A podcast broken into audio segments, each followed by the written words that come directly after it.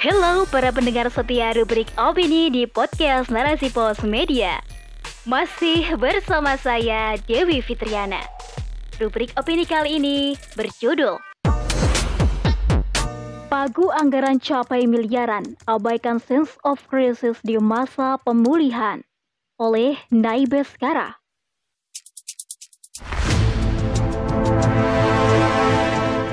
Tidak sensitif Begitulah teletukan salah satu warga kala diwawancarai oleh Kompas TV pada 30 Maret 2022 mengenai proyek pengadaan gorden dan pengaspalan jalan kompleks DPR di Senayan.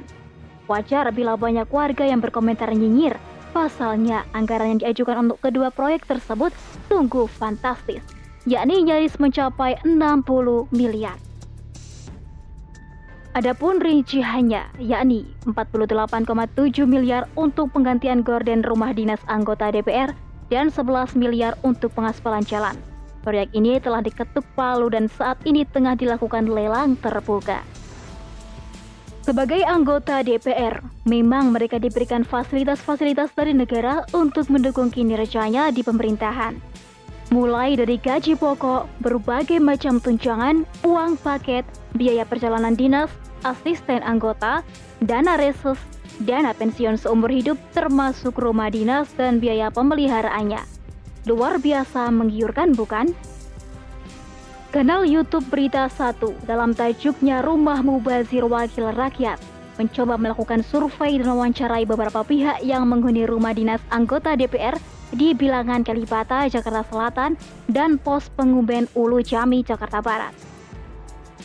Secara acak, tim Pers Berita satu mendatangi rumah dinas yang sekiranya ada penghuninya.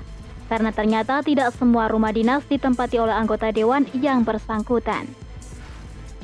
Hasil survei kedua kompleks rumah jabatan itu menunjukkan bahwa dari 505 unit rumah yang ada, hanya 219 unit yang benar-benar dihuni oleh para anggota dewan. Sementara itu, 229 unit ditempati oleh keluarga atau staf dan 57 unit tidak dihuni.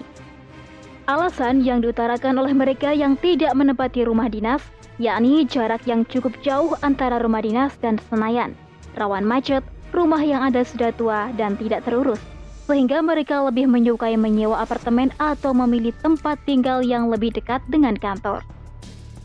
Keberadaan rumah dinas akhirnya dianggap sebagai sesuatu yang mubazir, Bahkan beberapa waktu lalu sempat muncul wacana penghapusan rumah dinas untuk kemudian diganti dengan pembangunan apartemen di daerah dekat Senayan.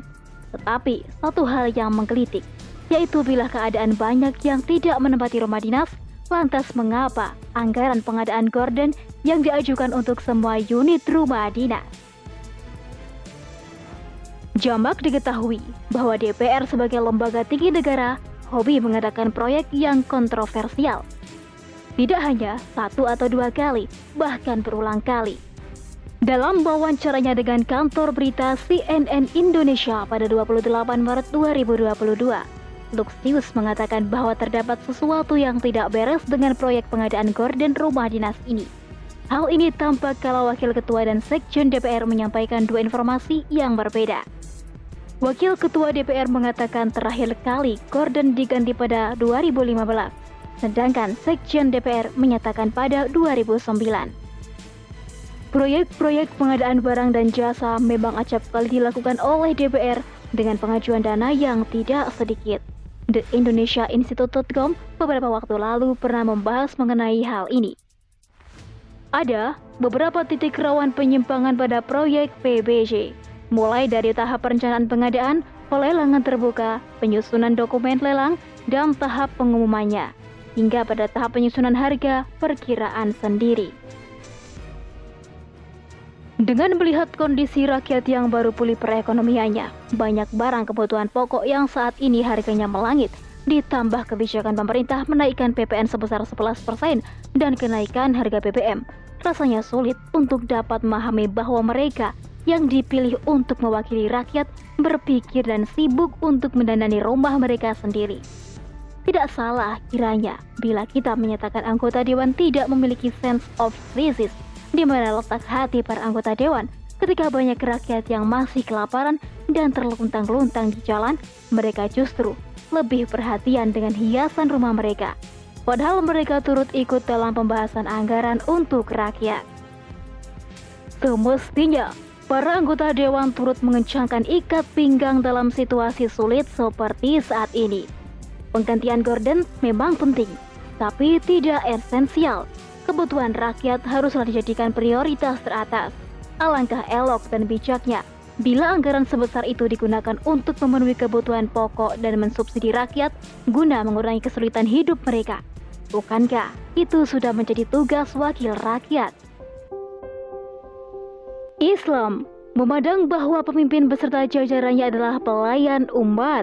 Mereka diangkat menjadi wakil rakyat bukan untuk memanfaatkan jabatannya guna meraih materi duniawi.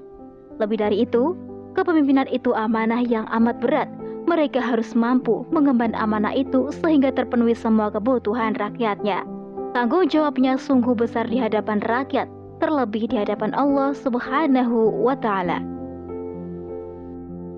Seorang pemimpin kelak di akhirat akan mempertanggungjawabkan pengurusan atas rakyat yang dipimpinnya, sebagaimana yang tercantum dalam hadis Bukhari yang menyatakan bahwa imam adalah pemimpin dan akan dimintai pertanggungjawabannya.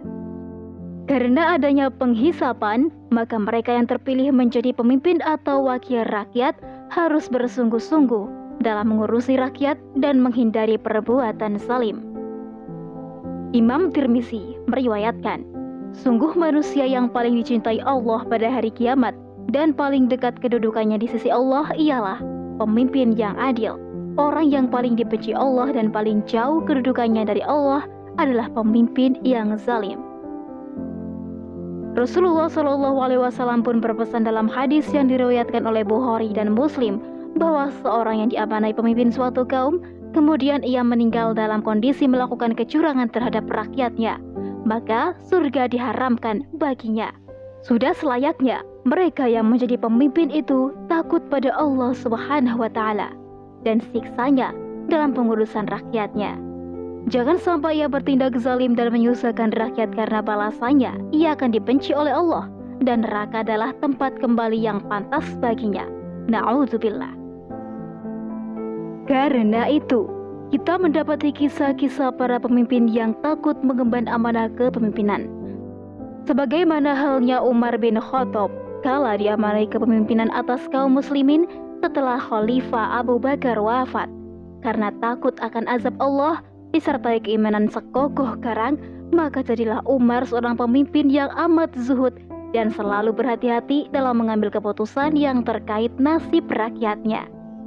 Umar tidaklah pernah mengambil apa yang menjadi haknya, melainkan secukupnya untuk kebutuhan sehari-hari keluarganya. Padahal sebagai pemimpin bisa saja ia mengambil lebih dari apa yang ia butuhkan. Ia jarang membeli pakaian dan lebih memilih untuk menjahit bajunya sendiri bila ada yang rusak. Bila ada rakyatnya yang kelaparan, ia akan berusaha memanggul gandum sendiri di atas pundaknya, memasaknya, dan kemudian menyuapi rakyatnya yang kelaparan. Bukan hanya Umar, cucunya Umar bin Abdul Aziz pun memiliki sifat yang mirip dengannya. Umar bin Abdul Aziz tidak pernah menggunakan fasilitas negara untuk kepentingan pribadinya. Bila ada tamu yang datang, maka ia akan menanyakan terlebih dahulu apakah keperluannya membicarakan masalah pribadi atau negara. Bila tamu tersebut datang karena keperluan pribadi, maka Umar pun akan mematikan lampu minyak yang ada di kantornya. Tersebab minyak untuk menghidupkan lampu itu dibeli dengan uang rakyat. Masya Allah. Umar bin Khattab memang cerminan seorang pemimpin sejati. Kalau ia mencari seorang pemimpin sebagai wakilnya, maka ia akan melakukan seleksi yang begitu ketat. Ia akan memilih seorang yang menurutnya pantas untuk memimpin, bukan sembarang orang, tetapi yang memiliki kemampuan dalam memimpin. Begitulah, Umar bin Khattab menjadi teladan yang mampu memilih pemimpin terbaik sesuai keahlian yang dimiliki untuk mewakilinya di daerah Islam lainnya. Karena Umar meyakini hadis yang berbunyi, Sesungguhnya kalian akan berlomba-lomba mendapatkan jabatan, padahal kelak di akhirat akan menjadi sebuah penyesalan. Hadis riwayat Bukhari dari Abu Hurairah radhiyallahu an. Wallahu alam.